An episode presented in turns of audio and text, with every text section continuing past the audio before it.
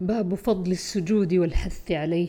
عن معدان بن أبي طلحة اليعمري قال لقيت ثوبان مولى رسول الله صلى الله عليه وسلم فقلت أخبرني بعمل أعمله يدخلني الله به الجنة.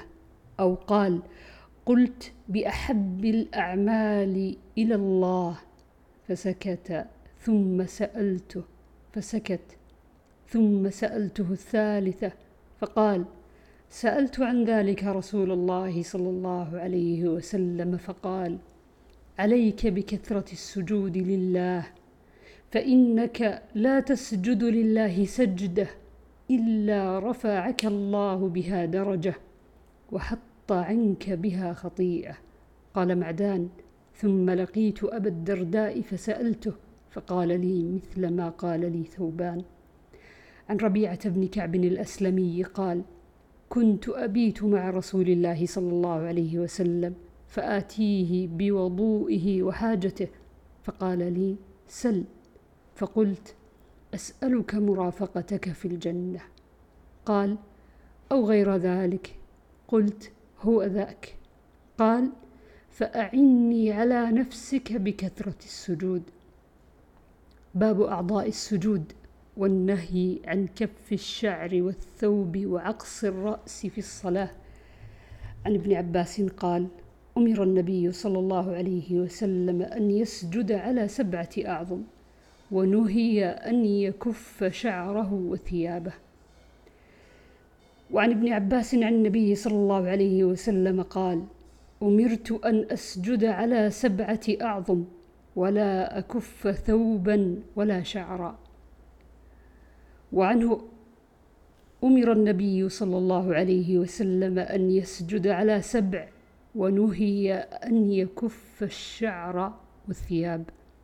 وعنه أن رسول الله صلى الله عليه وسلم قال أمرت أن أسجد على سبعة أعظم الجبهة وأشار بيده على أنفه واليدين والرجلين وأطراف القدمين ولا نكفت الثياب ولا الشعر. وعن ابن عباس أن رسول الله صلى الله عليه وسلم قال أمرت أن أسجد على سبع ولا أكفت الشعر ولا الثياب الجبهة والأنف واليدين والركبتين والقدمين. وعن العباس بن عبد المطلب أنه سمع رسول الله صلى الله عليه وسلم يقول إذا سجد العبد سجد معه سبعة أطراف. وجهه وكفاه وركبتاه وقدماه. عن عبد الله بن عباس أنه رأى عبد الله بن الحارث يصلي ورأسه معقوص من ورائه فقام فجعل يحله فلما انصرف أقبل إلى ابن عباس فقال ما لك ورأسي؟ فقال إني سمعت رسول الله صلى الله عليه وسلم يقول إنما مثل هذا مثل الذي يصلي وهو مكتوف. باب الاعتدال في السجود ووضع الكفين على الأرض ورفع المرفقين عن الجنبين ورفع البطن عن الفخذين في السجود.